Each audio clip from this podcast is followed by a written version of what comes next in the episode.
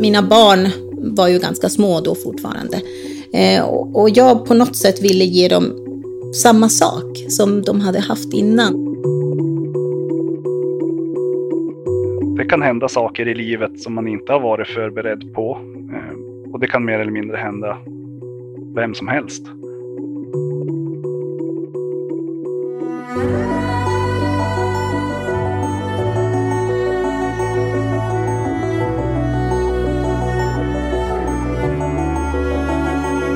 När Marias man lämnade henne gick hon in i en depression. Men när hon kom tillbaka från den väcktes en revanschlust. Hon ville visa sig själv och resten av världen att hon kunde klara sig själv, vara fri och oberoende. Detta gällde inte minst hennes egna barn. Maria ville ge dem samma liv som innan skilsmässan, innan allt brakade samman. Hon ville vad de flesta föräldrar säkert vill, ge sina barn ett fint liv. Den önskan drev henne dock mot över ett decennium i skulder. Du lyssnar på Skuldpodden, en podd om att leva med skulder. Och det här är Kronofogdens podd. Max Landegård heter jag och är programledare. Skilsmässa, bli av med jobbet, livspartnern går bort, man blir sjuk, bolaget som man har haft hela livet går i konkurs. Skulder kan hända vem som helst eftersom livet sällan blir som man har tänkt sig. Och Maria är inget undantag. Det var väl på gång lite redan innan och eh, det blev ju inte bättre att han träffade en ny kvinna. Eh, och det gjorde ju naturligtvis att jag slungades in i en depression fast eh, depression jag tror att jag var mer ledsen mer än någonting annat. Eh, att det som vi hade på något sätt pratat om vad vi ville göra, att det inte blev som vi hade pratat om. Eh, och det blev det som var problemet för min del. Eh, jag sen insåg, liksom, jag, jag visste ju mycket väl att jag kommer att gå, jag kan gå framåt själv. Alltså det har jag gjort tidigare, jag kan göra det här nu också. Och mycket riktigt så blev det ju så att jag började leta efter lägenhet och fick nytt jobb väldigt omgående eh, och sådär. Så att eh, jag visste mycket väl att jag skulle klara det utan honom också. Maria tog sina barn och flyttade till Gävle. Här sitter vi nu i hennes vardagsrum. Sonen är på övervåningen med familjens två hundar. Dottern är i Stockholm och studerar.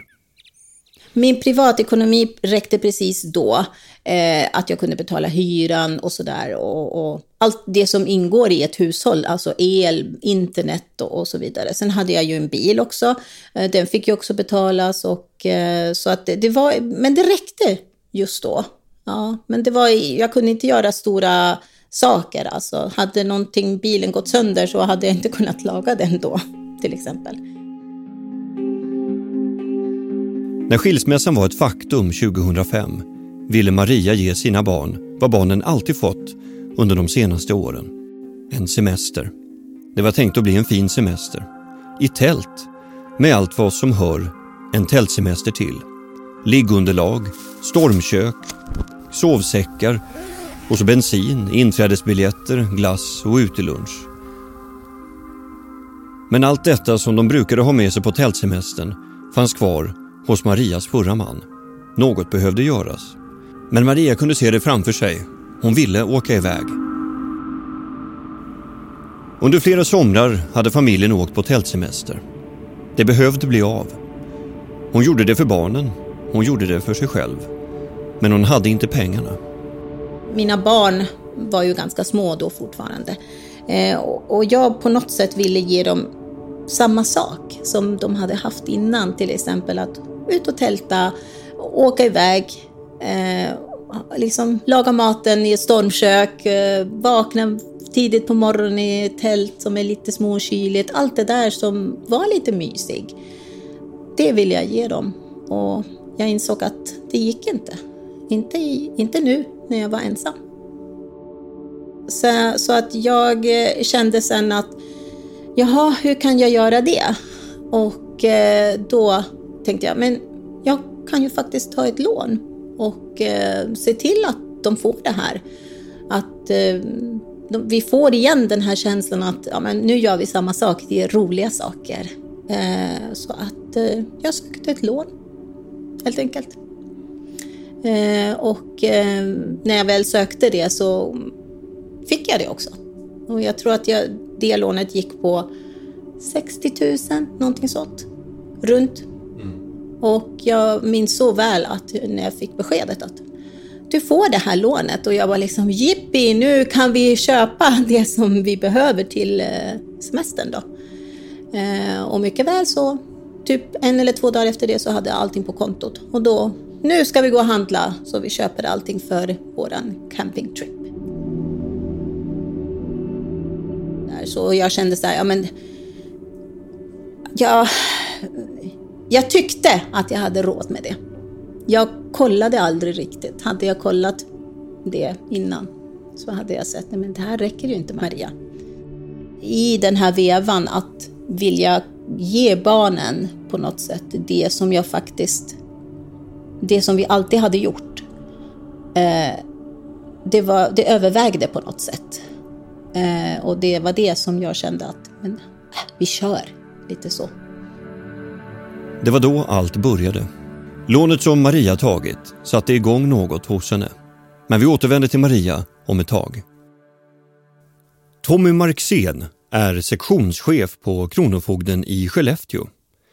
Sedan 2007 har han jobbat med verkställighet vilket innebär att han också arbetat operativt med att driva in skulder. Varför det är så många som belånar sig just nu? Eh, det är väl en trend, tror jag, i samhället i stort. Vi som det var förr, om man tänker våra far och morföräldrar kanske och tidigare generationer, då har det varit självklart att man sparar först och köper sen.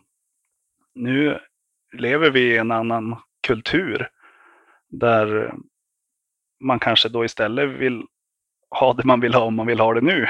Eh, och att då binder man upp kanske stora delar av sina inkomster på fasta avbetalningar.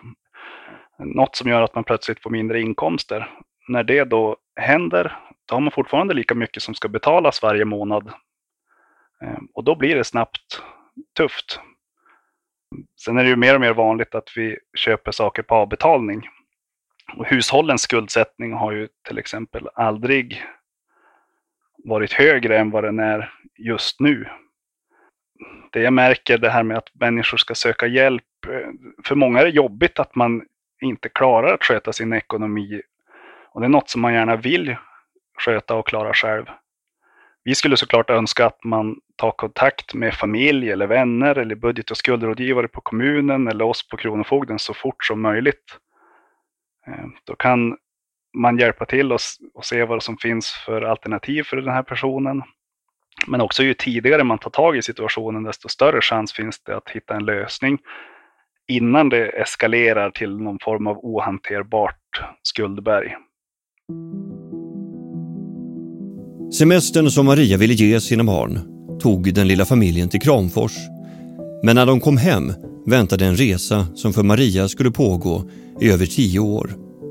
Skulderna växte snabbt.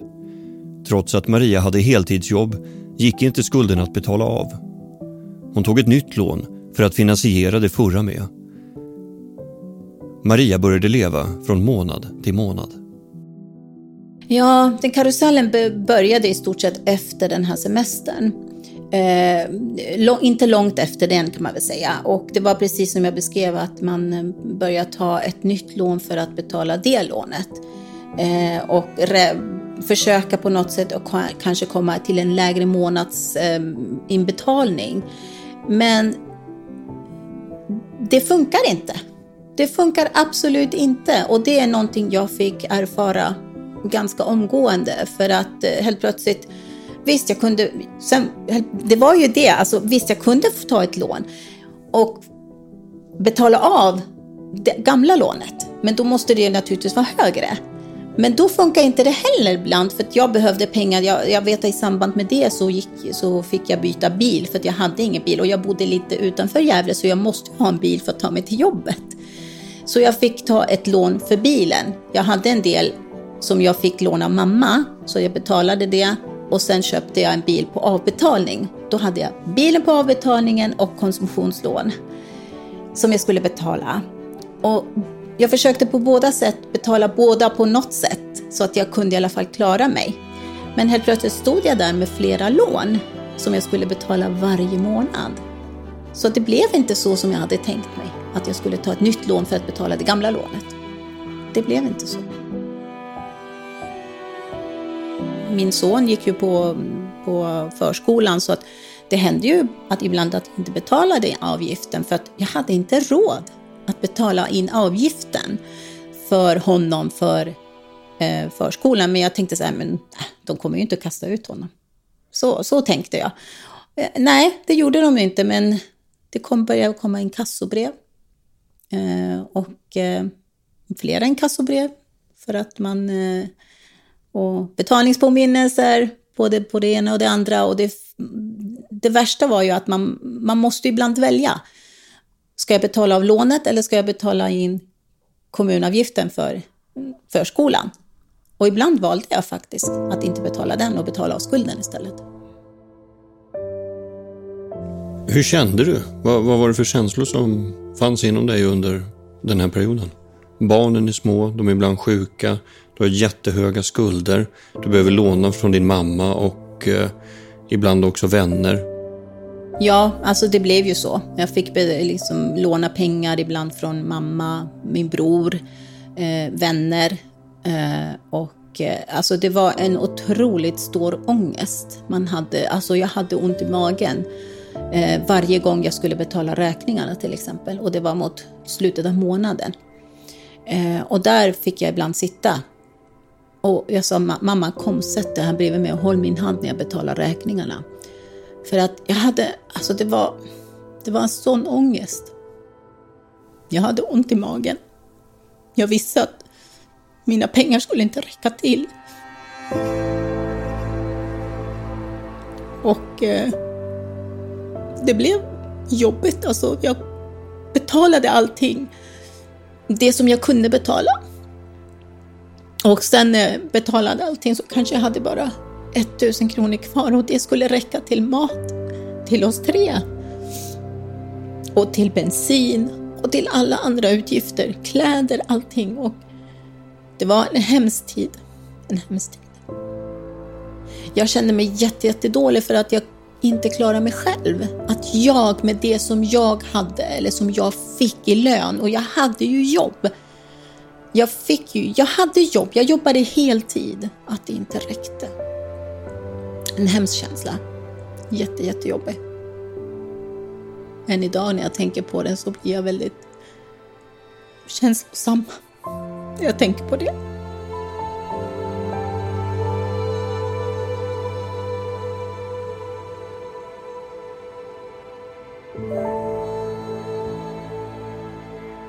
Nu ska vi till Karlstad och Ingvor Fahlén. Ingvor är budget och skuldrådgivare på Karlstads kommun. Hon har jobbat här i 15 år. Budget och skuldrådgivare finns i alla kommuner och är en plats dit du frivilligt kan vända dig för att få hjälp med din ekonomi. Ibland så kan man känna att man jobbar med människor som, som eh, folk eh, inte tror existerar. Man tror inte att det finns människor som är fattiga, eh, där varje krona blir viktig. Det kan räcka med den här eh, till fröken till en julblomma eh, som man inte har råd med. Man har inte råd att, att skicka sina barn på barnkalas för man kan inte köpa en present. Man har inte råd att eh, följa med på after work Eh, eller vad det kan vara. Eller en fika med en kompis. Så. Det, det, och det är ganska, jag tror att eh, det är sånt som man inte tror finns. Men det ser vi hela tiden. De flesta som vänder sig till Ingvar och hennes kollegor har ofta gått i flera år utan att ta tag i sin skuldproblematik. En prioritering för Ingvar Fahlén är därför att inte anklaga eller tillrättavisa den som är satt i skuld. Det är viktigt att få dem att känna att tillit till mig för att vi ska, för det är ändå ett jobb vi ska göra tillsammans och för att det ska kunna leda någonstans eh, att, eh, att det ska bli bra så krävs det mycket av dem också och att vi jobbar tillsammans och att vi har, att de är ärliga. Och ibland så är det så att det, det tar ett tag innan det, det kommer fram kanske att det finns en spelproblematik eh, eller att eh, man har blivit eh, tvingad att ta lån eller vad det kan vara. Liksom att det, det tar ett tag, men det gäller att bygga det där förtroendet så att det är total ärlighet. Och då är det ju just att inte döma, liksom, utan vara med dem på resan, att berätta att de inte är ensamma. Att eh, det finns många som är i samma situation. Ofta är det en tröst på något vis. Ehm, eh, det de relaterar till är ju Lyxfällan då, ofta. Och där är det ju mycket, där blir de arga och där kan de inte förstå hur de har hamnat i det här. Och det, det är liksom, de kan vara rädda att de möts av det. Att, att, att vi ska bli arga på dem och det säger, det säger de ibland också, men du blev ju inte arg. Nej, men jag är här för att hjälpa dig och eh, vi ska göra den här resan tillsammans. Och, och eh, när, när man närmar sig slutet på Eh, att de börjar få kontroll så tittar man tillbaka tillsammans också. Att kommer du ihåg hur du mådde första gången? Och, och se vilken resa du har gjort. Och, och, här är du idag. Att man, att man också gör dem påminda om det och är med dem. Och sen så är det också det där att det, det är viktigt att jag skriver ganska noggranna anteckningar så om eh, är hunden sjuk så kanske det är bra att fråga om det nästa gång. Eh, Sådana där små saker som gör att, att man har sett dem och man har lyssnat och, och sånt som betyder mycket för dem.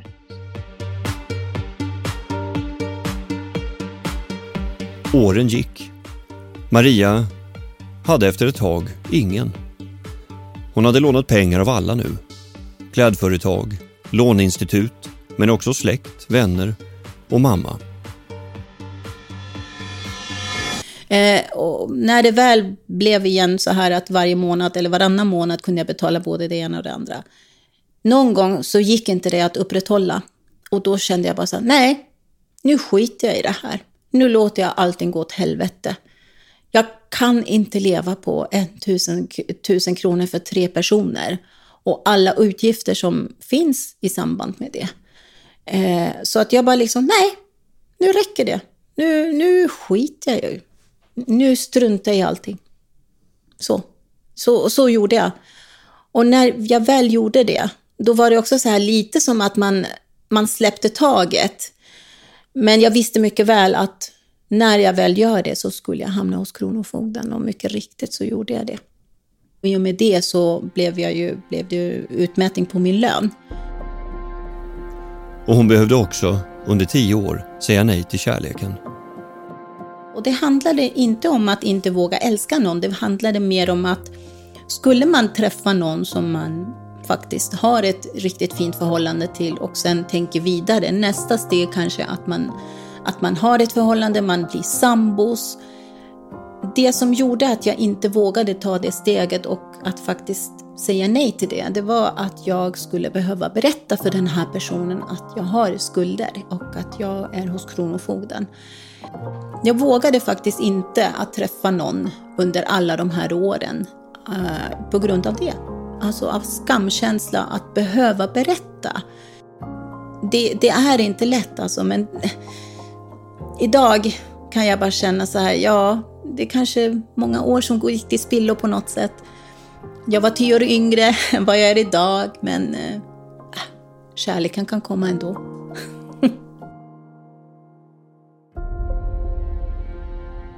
Många med skulder känner mycket skam. Tommy Marxén på Kronofogden i Skellefteå igen. Vi har skuldsatta från alla olika åldersgrupper, alla olika utbildningsbakgrunder och inkomstnivåer. Eh, det kan hända saker i livet som man inte har varit förberedd på. Eh, och det kan mer eller mindre hända vem, vem som helst. Men om man tittar i den andra vågskålen så finns det ju samtidigt borgenärerna, alltså de som behöver få betalt. Hur arbetar Kronofogden för att säkerställa att de som har rätt till sina pengar faktiskt också får det? Det är där vår uppgift som den här opartiska mellanhanden kommer in mellan den som ska betala och den som ska få betalt. Ehm, det kan ju vara den här småföretagaren som inte har fått betalt för sitt utförda jobb eller, eller ett, ett separerat par där ena föräldern inte får det underhåll de har rätt till. Ehm, och då finns ju vi där som den här opartiska mellanhanden som försöker se att allt går rätt till och att bådas intressen tas tillvara. Ehm, finns det då eh, till exempel utmätningsbar egendom, då utmäter vi det och skickar det värde som det inbringar till, till den som ska få betalt. Men det finns ju såklart också de, de situationer där personer är väldigt högt skuldsatta. De har inga utmätningsbara tillgångar och då finns det ju tyvärr inget som vi kan förmedla till den som då eh, vill få betalt. Så att där kan jag väl ha några medskick till, till eh, privatpersoner eller företag eh, som står i färd att sluta något avtal eller kontrakt eller något liknande. Eh, man kan ju kontakta Kronofogden och kontrollera om man har ett personnummer eller ett organisationsnummer för att se om den här personen som man kanske ska låna ut pengar till eller hyra ut en fastighet till eller göra ett stort jobb hos. Då kan man ju kolla om den personen har några skulder eller några betalningsförelägganden hos oss. Eh, så att man liksom kan agera lite i, i förväg så att man plötsligt inte har gjort det här jobbet till någon som har massa, en miljon i skuld till exempel. Eh, men om man redan har, står inför det här faktumet att man har en, en faktura som är obetald, så då är vårt första tips att alltid kontakta personen och se om man kan hitta en lösning, en avbetalningsplan eller delbetalning eller liknande. Ehm, om inte det ger något resultat så kan man ju då kontakta oss på Kronofogden ehm, för att se om personen är skuldsatt eh, eller också sen då få information om hur man kan få hjälp att fastställa den här skulden och sen få hjälp av oss att försöka driva in den.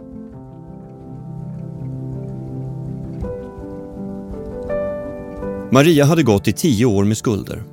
Kronofogden hade knackat på hennes dörr utan att hon hade öppnat. Oöppnade räkningar trängdes i skåp och lådor. Men så en dag, eller rättare sagt under en lång sömnlös natt, så hände något. Jag gick omkring med en klump i magen hela tiden för att jag var också väldigt rädd för att folk skulle få reda på det här. Eh, det var så skambelagt för min del. Alltså, jag kände en sån stor skuld och skam att ha, att ha hamnat där hos Kronofogden. Det var som en ryggsäck som jag hade på mig hela tiden och jag gick, jag kunde inte andas. Jag kände en dag så här, nej, jag har för mig att jag till och med en hel natt kunde inte jag sova och så bestämde jag mig. Nu nu går du till en skuldrådgivare och tar hjälp av dem. Vad kan bli värre än vad det redan är? Det kan inte bli värre. Och när jag väl satt där och tog med mig alla papper och då säger personen till mig, jag tror att du är en jättebra kandidat att faktiskt få skuldsanering. Så vi gör en ansökan nu. Och jag bara satt och grät i hans stol. Det var så, så skönt, men det var precis som jag kunde andas igen. Den här ryggsäcken fullt med stenar med alla de här känslorna jag hade burit med mig. Den bara liksom börjar lätta, ungefär som att jag börjar packa ur och bara lämna i det på det här kontoret, lämnar jag allting. Alla de här stenarna, de blev kvar, bildligt sagt då. Och när jag gick därifrån så kände jag mig redan lättare. Bara där kände jag mig lättare. Att nu har jag tagit det första steget. Och eh, det visade sig att det var det rätta steget.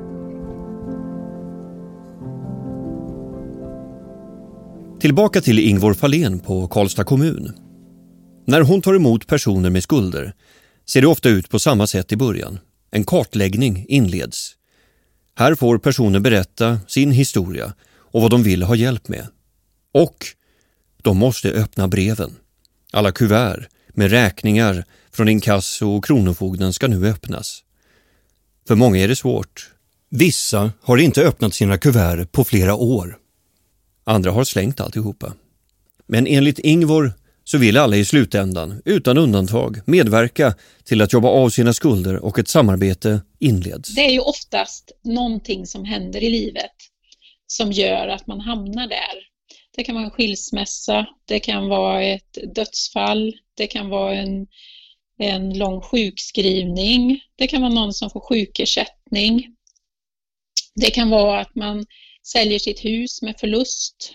Eh, det kan vara ett företag som går omkull. Man försöker så gott man kan eh, under en tid eh, men mår ju sämre och sämre när man ser att det här går inte och man ser också hur det kommer att drabba barnen kanske. Det är ofta det värsta. Att man inte ska kunna ge sina barn det, an, det man tror andra får. Eh, ju sämre man mår, desto kortsiktigare tänker man. Någon som har skulder och eh, också då kanske har hamnat hos Kronofogden så, så får det ju ja, ekonomiska konsekvenser förstås. Man blir väldigt låst eh, i att man, man kan inte hyra en lägenhet, man kan inte teckna ett elabonnemang, man kan inte teckna ett telefonabonnemang, man kan inte hyra en kärra på skäll. Och sociala då förstås med ensamhet, att man stänger sig, stängs ute liksom från sociala sammanhang för man har inte råd att vara med. Eh, för att allting kostar. Och blir man hembjuden till någon så ska man bjuda tillbaka och det, då är det lättare att tacka nej för då, då behöver man inte det. Eller att man är hos någon och nu bjöd den på vin, då måste jag också göra det nästa gång. Hur ska jag klara det? Men sen till slut så, så kommer det till en punkt när det inte spelar någon roll. Det, nu får det bära eller brista, jag gör vad som helst nu. Det gör inget om hur många som får veta detta eller eh, så, jag måste få hjälp. Eh, och det är ju det skedet de eh, kommer till oss då ofta. De har eh, eh, dålig koll på hur stora skulderna är just för att de ökar så. Den är ju alltid större än vad de tror. Efter att Maria träffat budget och skuldrådgivaren ansökte hon om skuldsanering hos Kronofogden och hon blev beviljad. Ja, jag tror att det, det, ögonblicket är precis som när man frågar var var du när 9-11 eh, hände? Ungefär den känslan var det för mig också. Jag vet mycket väl att jag blev uppringd av eh, Kronofogden. Så jag fick, eh, jag fick gå undan och eh, satte mig i ett rum och stängde dörren och då säger personen då att jag hade fått skuldsanering och jag bara satt och grät. Jag bara satt och grät för jag visste alltså det här har ett slut. Idag har Maria bytt jobb. Hon har en högre lön och möjlighet att inte bara betala sina räkningar utan också kunna spara pengar till semestern. Ja, nästa semester som jag vill eh, ta med mig barnen då, det är till Gran Canaria. Det, eh, och, eh, och det har ju mycket att göra med att, för det första pratar de ju spanska, så att det var ju inga problem att bo där, jag pratar ju själv spanska. Och att det är fint väder och att jag faktiskt kan, jag har råd idag. Utan att ta något lån. Jag har råd. Bara spara på. Det kommer stunder i livet då vi nog alla önskar att vi hade kunnat använda en tidsmaskin. Om Maria hade kunnat använda sin tidsmaskin och kunnat åka tillbaka och prata med sig själv, då vet hon vad hon skulle sagt. Jag skulle nog säga till mig själv att eh, barnen klarar sig också utan en sån semester. Det bästa är ju att du är närvarande. Eh, det hade, nog, det hade jag sagt till mig själv om jag hade haft eh, tillgång till det. Att jag står inför mig själv. Ehm, men eh, sen också att eh, faktiskt tala om för mig själv, vet du vad? Det går inte att låna sig skuldfri. Det funkar inte. Det är bara en dröm. Vill du ta kontakt med en budget och skuldrådgivare i din kommun? Kom ihåg att rådgivningen är kostnadsfri och att du får vara anonym. Har du frågor eller funderingar om skulder? Kanske för dig själv eller för någon som står dig nära? Gå in på kronofogden.se. Där finns mycket nödvändig och nyttig information. Både för dig som har skulder, för dig som behöver få betalt och du som vill informera någon annan om skulder och ekonomi. Skuldpodden produceras av Storstad Medieproduktion på uppdrag av Kronofogden. Tack för att du har lyssnat. Vi hörs!